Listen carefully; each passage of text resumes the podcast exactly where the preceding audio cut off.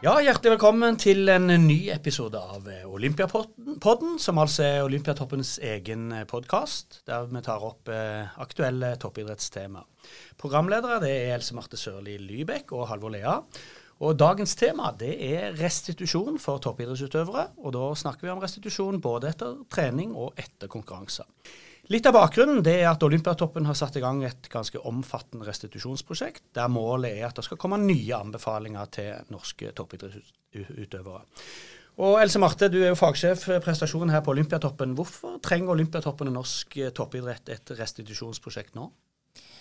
Restitusjon er jo et ganske nytt fagfelt, egentlig. Det er jo et fagfelt som er satt sammen av flere ulike fagområder òg. Eh, og det er en del eh, eh, vi, vi, trenger oppdatert kunnskap på hva som uh, gjelder på de ulike områdene. Og vi opplever vel at uh, ute i idretten så er det forskjellige oppfatninger om hva som virker av restitusjon, og hva som ikke virker. Og det er en del uh, trender eller ting som noen har prøvd ut som, som kanskje ikke er like vitenskapelig bevist. Så vi ønska å sette fokus på det her for at vi skulle få gi gode faglige råd til våre utøvere og landslag. Det du sier der, henger sikkert òg sammen med hva man legger i det i, i ordet restitusjon. Og Gøran Paulsen, du er fagkonsulent kraftstyrke i Olympiatoppen og forsker på NIH, og du sitter i prosjektgruppa. Og eh, hva er definisjonen på restitusjon? Eh, ja, Vi kan nok definere det på forskjellige måter, men vi har valgt å gå for en normalisering av prestasjonsnivå eh, etter trening og konkurranser. Det er litt viktig å poengtere at, at restitusjonen er på en måte det å komme tilbake igjen til et nivå, men så er det egentlig en prosess som går sammen med adaptasjon. Og det er jo det vi er ute etter når vi trener, å bli bedre.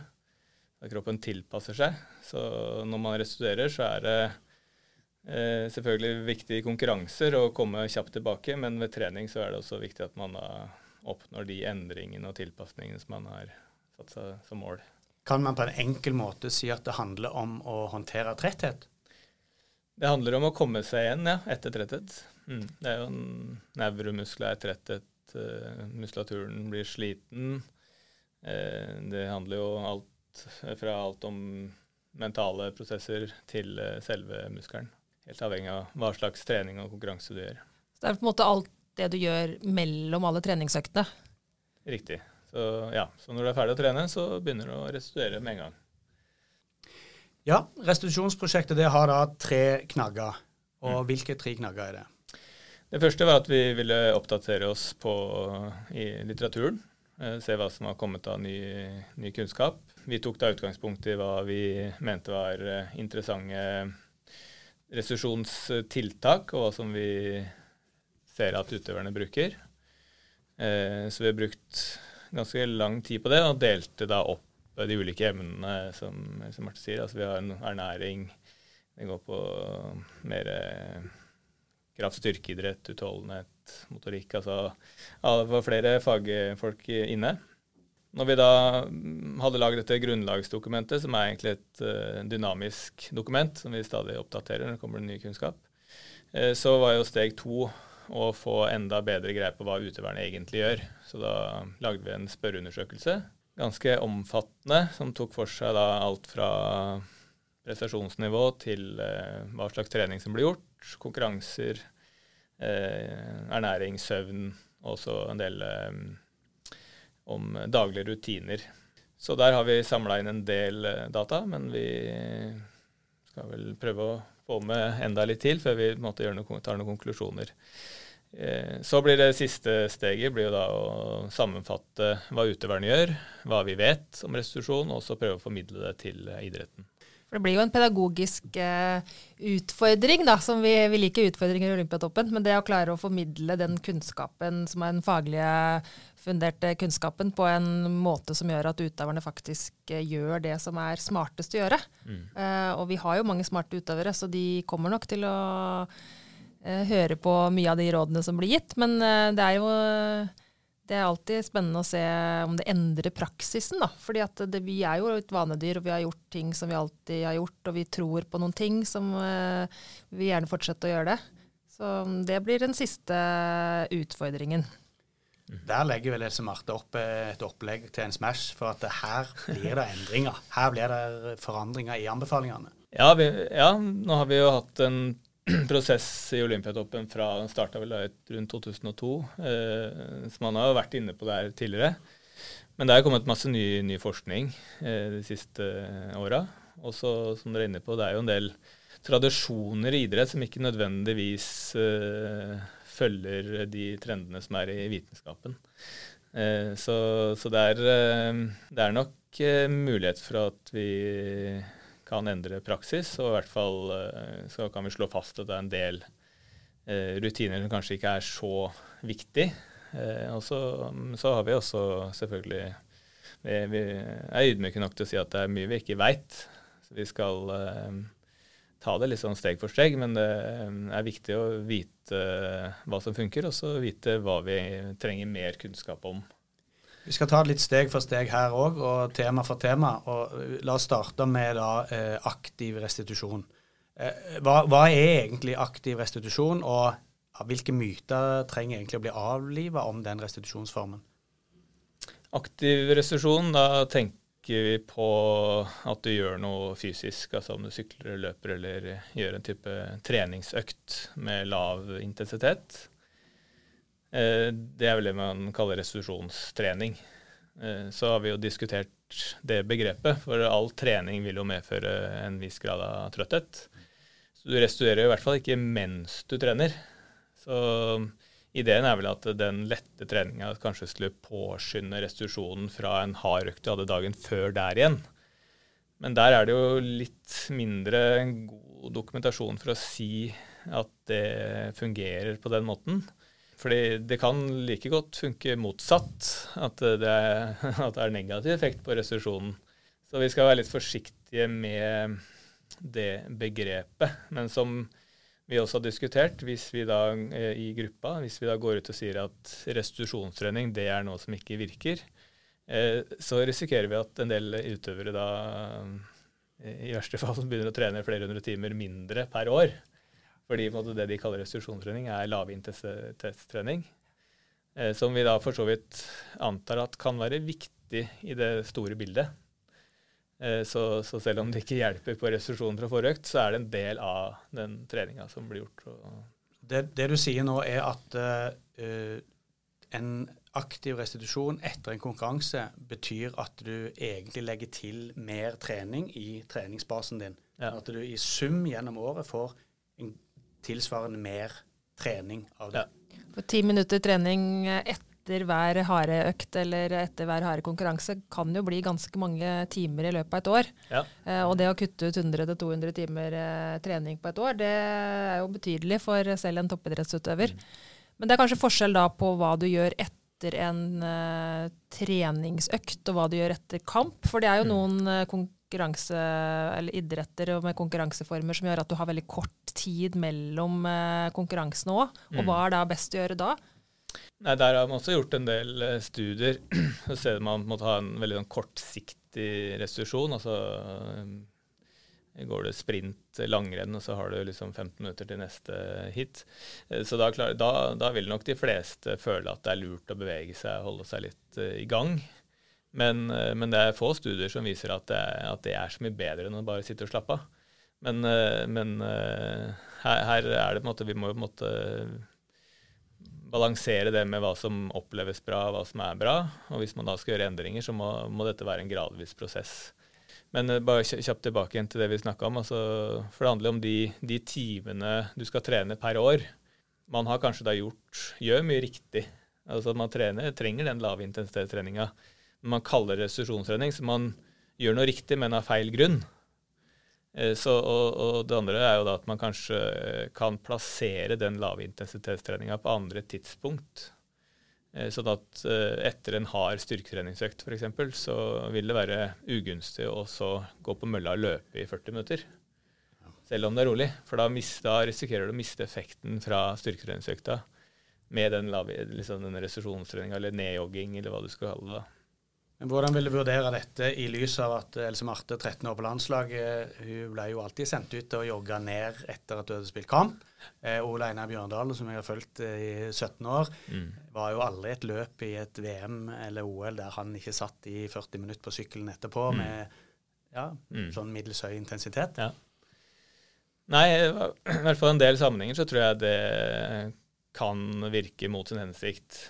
Eh, det har kanskje vært bedre å komme seg i dusjen, eh, få spist og, og slappe av, og så heller måtte bruke den treningstiden som du da Eller restitusjonstiden til, til, å slappe av og, og trene seinere dagen etter eller seinere på dagen.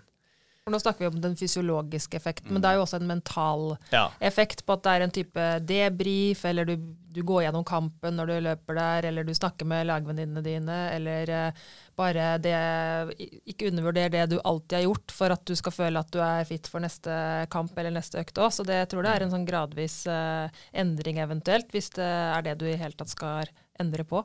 Ja. ja så gjelder det å vite hva man er ute etter. Da. Hvis den debrifningen er noe som man ser på som viktig, så kan, er det jo opp til treneren kanskje å tilrettelegge for at man får gjort det uten at man trenger å uh, måtte løpe i 30 minutter eller 40 minutter. Man kanskje klarer det på 10 minutter. Man kan jo da gjøre det om man går eller man tøyer eller gjør andre ting som ikke nødvendigvis uh, er så krevende. da. Uh, vil, du si spiller, vil, du si at det spiller inn på noen måte når på døgnet dette skjer?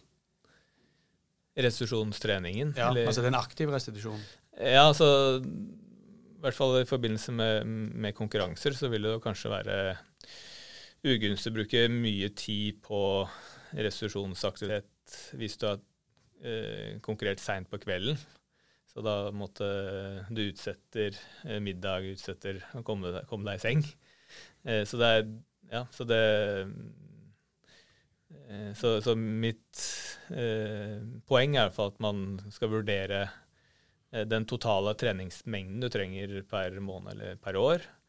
Og så mm, må du vurdere om det er nødvendig å gjøre den lavintensitetstreningen rett etter eh, eh, harde treningsøkter. Og kanskje da flytte det fra kvelden til morgenen etter, eller. For da er vi jo egentlig over på neste tema, eh, eller det neste som vi tenkte å ta opp, det er jo det med mat og søvn.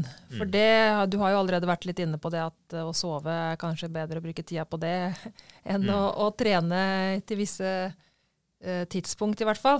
Men mat og søvn, det er jo to ting som vi veit har ganske stor innvirkning på restitusjon. Ja, der trenger vi ikke å forske. Altså Man kan gjøre mye spennende forskning, men å gjøre det helt enkle er jo opplagt veldig viktig. Eh, næringsstoffer, det, det, må vi ha, og vi vet jo veldig godt hva som skjer hvis vi ikke spiser. Eh, driver du med idrett som krever høy intensitet, så er karbohydrater og da glykogenlagrene i muskelen eh, veldig avgjørende. Så hvis du ikke får i deg næringsstoffer kjapt, så, så, vil du måtte betale for det i neste trening eller konkurranse. Eh, så det er én ting. Og søvn er da også eh, utvilsomt eh, av stor betydning. Ikke bare idrett, men det ser man i alle andre sammenhenger også, i yrkesliv. Og rett og slett det å ha få restituert uh, mentale prosesser. så um, søvn betyr masse, og man bør virkelig bruke ressurser og holdt jeg på å si energi på å tilrettelegge for god søvnhygiene og, og få nok søvn. Og da er det kanskje da pluss-minus uh, åtte timer, i hvert fall, da, for en eh, toppidrettsutøver. Er det noe å si med dagtid og sove på dagtid eller eh, natt, eller er det den totale søvnen, eller vil du si det er forskjell på det? Ja, Nå er ikke jeg søvnforsker, men jeg vil, jeg vil jo si, jeg vil jo tro at den, den søvnen du får på natta, er, er viktigst. Og så kan man på en måte eh, spe på med noen sånne powernaps eh, på dagen. Så, sånn som jeg har sett på samlinger og sånn, så er det jo um, bra rutine hos en del utøvere at de sover litt mellom økter. Men da kanskje man skal unngå å sove lenge, da. Altså at man holder det til eh, en 20 minutter, eh, eller ikke så veldig mye lenger enn det. Hva er det som truer utøvernes evne eller mulighet til å på den ene sida få bra nok eh, ernæring eh, som restitusjon, og bra nok søvn og bra nok hvile? Eh, sikkert litt individuelt, men noen utøvere vil nok kanskje ha dårlig matlyst etter at de har trent. og måtte, Hvis ikke de har fokus på det, så glemmer de det. eller som, ja. Så er det en del praktiske ting. altså Vi kan snakke om uh, utøvere som driver med seiling, eller der du flytter deg fra arena til altså Du er ikke sikkert at du har mulighet til å sette deg ned og spise med en gang etter trening. Mm. Uh, så, så en del uh, forskjeller mellom individer og idretter. Men jeg tror det handler, det handler mest om planlegging. Altså Det handler om å være bevisst. Du kan gjøre mye på forhånd. og Ha, ha med matpakke eller kjølebag. Og, så jeg tror det, det, er fullt mulig å gjøre et legge, eh, Lage et bra system for å få i seg nok næring. Jeg har jo stått på noen drikkeposter opp gjennom årene for skiskytterne, og der snakket vi om altså Det med drikke er jo en viktig del av restitusjonen, det òg. En mm. del av maten. Mm. Eh, og da snakket vi om at på de lange løpene, altså fellesstart f.eks., eh, at det å drikke under løp var en del av det å starte restitusjonen. Mm. Hvordan ser du på det? Ja, der er det sikkert litt uh, delte meninger. Men, det men du sier at jo mindre du mister underveis i en konkurranse, til mindre er det å bygge opp igjen etterpå. Så hvis du får i deg nok karbohydrater, uh, får i deg væske, så vil det jo være mindre du trenger å fylle på med en uh, etterpå. Så det ligger jo fornuftig det du sier der. Absolutt. Men, men man skal ikke overdrive heller. Det kommer litt an på hvor lenge du skal konkurrere. Så hvis du konkurrerer i 20 minutter eller 30 minutter, så, så, vinner du lite på å drikke og spise underveis. Men er det over en time, så er det utvilsomt av stor betydning. Mat og søvn har jo vært en, det har jo vært kjent lenge at det har vært viktig. Men det, noe som har kommet inn de siste åra, har jo vært det med kuldebad og det med ja, kulde og kuldebad. Mm. Eh, har dere sett noe på det? Ja, da er vi oppe på en sånn passiv restitusjonstiltak. Eh, og da kuldebad har vært, eh, blitt brukt mer og mer de siste åra. Som det handler om at man har f.eks. et, eh, et eh, kar altså, som du kan eh, senke kroppen ned i. Eh, pluss minus 15 grader. Og så er det oppi der i 55 minutter, kvarter. Eller kontinuerlig, eventuelt opp og ned. Eh, så der har man gjort en del forskning. Man ser at eh, det kan påskynde restitusjonen. Hvis man da måler eh, restitusjonen som styrke eller spenst, hurtighet og sånn før etter en treningsøkt. Men så har man også sett at hvis du bruker disse kuldebadene etter trening, og jevnlig etter trening, så kan det også da mm, blokkere eller hindre den naturlige treningseffekten så eh, kollega Truls Råstad på Idrettshøgskolen han gjorde en studie i Australia som de så på det. og Da um, så de at i løpet av en tolvukersperiode så ble det en halvering i muskelveksten hos utøvere som da hadde trente styrke, den ene gruppa, den andre gruppa lot det være, med, med kuldebad. Og det ga tydeligvis da en redusert effekt på trening av kuldebad. Så kuldebad er da bedre eh, i konkurranse enn det ville være jevnlig å bruke det på trening? Ja, så det er, måte det, ja, det er det man har konkludert med så langt. Altså du kan bruke det hvis du trenger å komme raskt tilbake til toppnivå, men uh, over tid så vil det være ugunstig, og særlig i treningsperioder. da. Men uh, det er jo vanlig at håndballjentene f.eks. og håndballgutta bruker det i et mesterskap som varer ganske lenge. Mm. Uh, du sa noe om det der med, med et lengre mesterskap og bruk av kuldebad mm. over litt lengre tid. Mm. Hva, hva, er budskapet der? Ja, nei, så det, det, blir litt spekulasjoner. Men vi skal i hvert fall holde muligheten åpen for at uh, det kan jo tenkes at en del av, de øktene eller konkurransene gjør tidlig en lang eh, turnering, eh, har eh, en, en, viss positiv effekt på fysisk form og formutvikling. Så du kan jo teoretisk tenke at du blokkerer noe av den fysiske formutviklingen med kuldebad i starten. At man kanskje da skulle vente til når det virkelig gjelder, da, at man bruker de tiltakene. At man venter med det, rett og slett. Ja, men, eh, men det, er, det, er, som sagt mer en spekulering og noe man kan ja, ta tak i i kommende studier, eller se om andre gjør noen forsøk som kan si noe mer om det. Ok. La oss ta eh, laktat, eller det mm. som på norsk omtales som melkesyre. Altså Mange har jo en mening om at eh, en del av disse restitusjonstiltakene bidrar til å frakte bort eh, laktat fra mm. muskulaturen. Mm. men hva er egentlig da sammenhengen mellom restitusjon og laktat? Ja, laktat uh, er jo da noe muskelen uh, produserer som en del av forbrenningen. Så når du forbrenner glukose, så ender du opp med laktat. Så den produserer hele tida noe laktat. Så hvis du jobber veldig intensivt, så øker produksjonen og er tegn på at du går over i en sånn Muskelen er mer anarob eller har dårlig tilgang på oksygen.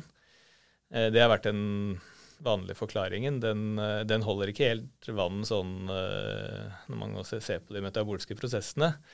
Så vi må bare si at laktat er, eh, er, et tegn på at muskelen jobber veldig intensivt. Ikke nødvendigvis at det er tomt eller for lite oksygen, men at prosessene går litt treigt.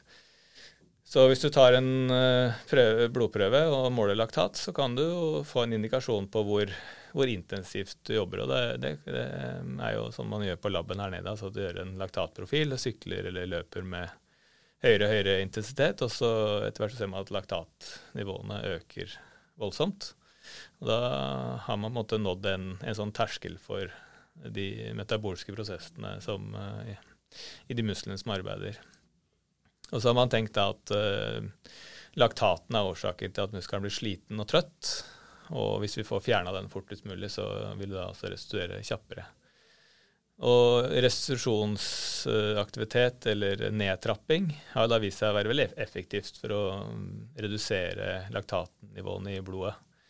Eh, det går da kjappere enn hvis du sitter helt stille. Men eh, utfordringa med det er at laktat er jo, inneholder veldig mye av energien fra glukosen. Eh, så det har på en måte gått veldig fort i forbrenninga. Så kanskje eh, 90% av energien i glukosemolekylet er igjen i laktaten. Eh, så kroppen vil jo helst eh, da eh, bruke laktat som et energistoff. Så hvis du da trener og er aktiv etter en eh, hard eh, konkurranse eller trening som du genererte mye laktat, så, så vil du bare brenne det opp. Hvis du da i motsetning hadde tatt det helt med ro og eh, latt laktaten komme inn i muskelen igjen, så vil den, og leveren, så vil den gå tilbake til å bli eh, eh glykogen. Så du brenner på en måte bare opp du, den energien du egentlig kunne ha lagra bak inn i muskulaturen og lever. Da. Så i praksis, da. Karsten Warholm har løpt 400 meter hekk, og mm. han har enorm melkesyre i beina når han kommer i mål. Eh, er det best for han å jogge, bevege seg, eh, ha en viss intensitet, eller sette seg ned og slappe av. For å bli kvitt laktaten. Ja, hvis det altså, er mål. Laktaten vil bli borte uansett. Så det, om det tar litt lengre tid, om du sitter og slapper helt av, eller om du løper, så Så hvis du kun isolert ser på det, så, så, tror jeg det har fint litt å si eh, hvis man eh, ser liksom, gjør noen målinger dagen etter, f.eks. Melk, melkesyre, som uh, Halvor sa, det er jo et sånn uh, begrep som mm. uh, Ikke hører det på Sportsrevyen, og nå er det melkesyre langt oppe under øra, liksom. Men mm. melkesyre og laktat er vel heller ikke det samme? Nei, det er riktig. Så um, laktat er det som Hvis du jeg måtte du har melkesyre i, et, i, en væske, så vil du da få laktat og hydrogenatomer, eller protoner, da, som gir eh, et surt miljø. Så laktaten er egentlig da en base som vil binde hydrogenatomer og da bli melkesyre. Men i, i vår fysiologi så er pH-verdien sånn at vi har egentlig veldig lite, eller ikke noe melkesyre i kroppen. Det som produseres, er, det er direkte laktat. Vi produserer ikke melkesyre som blir til laktat og hydrogenatomer. Eh, det går direkte til laktat, men, eh, men, det er på en måte riktig at i forbrenninga så, så, vil det også frigjøres hydrogenatomer. og det som har gjort at det har blitt en misforståelse egentlig i fysiologien her. da. Eh, så du, du, får, du, får, en sur muskel, men det er ikke pga. melkesyre. Nå er vi langt inn i grunnfag kjemi, ja. og det kan vi ta en, En senere episode. Eh, vi må snakke litt om massasje. Ja. For her er det åpenbart en del problemstillinger som er, er relevante i, i restitusjonsperspektiv. Mm. Hva er den vitenskapelige forklaring på effekten av massasje? Nei, der er også for restitusjon vårt som eh, at en muskel henter seg inn igjen, så er det jo veldig dårlig dokumentasjon for det. Eh, men da ser man isolert på, på skjelettmuskelen, kanskje. da. Så, så de effektene som man har av massasje, må jo ligge kanskje mer på et sånt eh, eh, opplevd eh, grad av restitusjon, eh, subjektive eh, En slags placeboeffekt. Det kan også selvfølgelig være en placeboeffekt i det, med at du føler at dette er noe som, som hjelper deg til å restaurere. Så tror du på det, så, så, så får du den effekten. Men Vi vet jo at det har en veldig sentral plass i mange av landslagene, så hvordan bør, bør, bør de tenke rundt massasje fremover? Ja. Nei, vi, vi bør i hvert fall eh, Vi kan i hvert fall formidle det som er av eh, kunnskap om massasje, sånn som det er nå. Og da er på en måte konklusjonen at det har uh, veldig lite å si for uh, restitusjon fra en dag til en annen. Det kan kanskje ha noen korttidseffekter uh, innenfor sånn fem og ti minutter og sånt nå, som uh, man kan utnytte. Men, men i sånn det klassiske restitusjonstiltaket som eh, fra eh, mellom økter, der eh, har det antageligvis i hvert fall begrensa effekt. Og så kan man jo Men så er det sånn med, med forskning, når man skal studere ting, at man kan bare måle noen elementer. Man måler det man, man, man kan, eller det som er eh, litt sånn opplagt. Og så er det jo andre ting som man da ikke måler, som man kan ha effekt på. Eh, så mm, vi vet jo at det bare det å ha nærkontakt med andre mennesker og sånn gjør eh, Det gir eh, hormonelle effekter, og det gir eh, en del effekter som, som kan være positive. Så vi skal på en måte være eh, edruelige der også.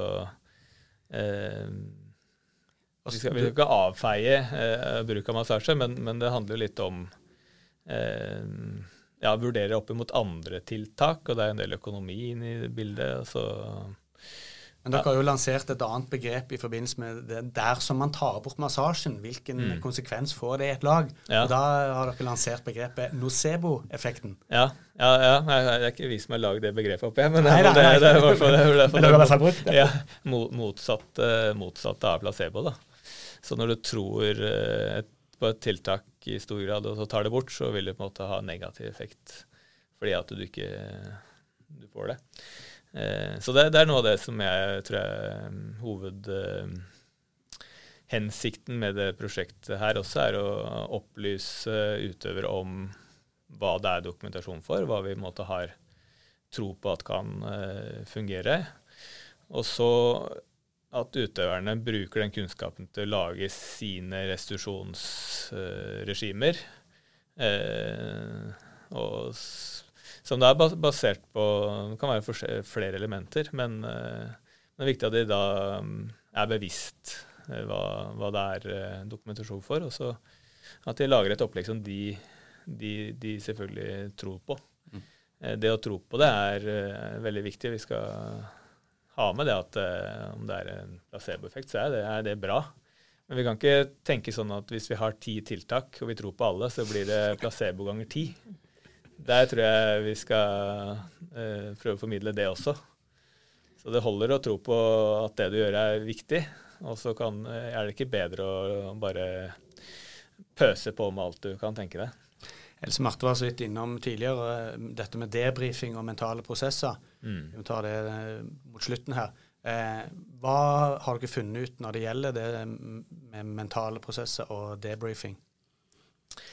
Eh, ja, det er jo ikke noe jeg har vært veldig involvert i, men jeg har jo hatt eh, eh, Sondre Skarli, som da var tidligere skøytelandslagstrener, han har jo en del eh, erfaring med det, og det er vel han eh, formidla når vi hadde en oppsummering sist, er at det er en veldig viktig prosess. Og apropos massasje, så er også det at den som utfører massasjen, eller fysioterapeuten i tilfellet her, da, får en veldig god eh, eh, kommunikasjon eh, connection med utøveren.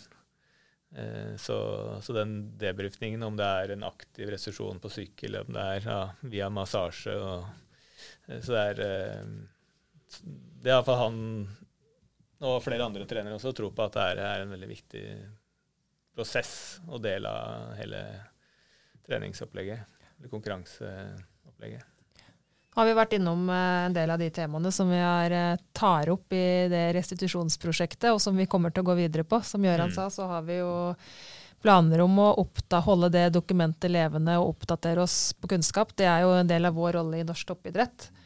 Uh, og vi skal ha faglig funderte uh, gode svar når utøverne spør, og vi skal kunne opplyse de godt om eh, hva vitenskapen sier, eh, og hva beste praksis er i både eh, Norge og andre land. For vi holder jo også dialogen med andre land som står i tilsvarende problemstillinger som det vi gjør. Mm.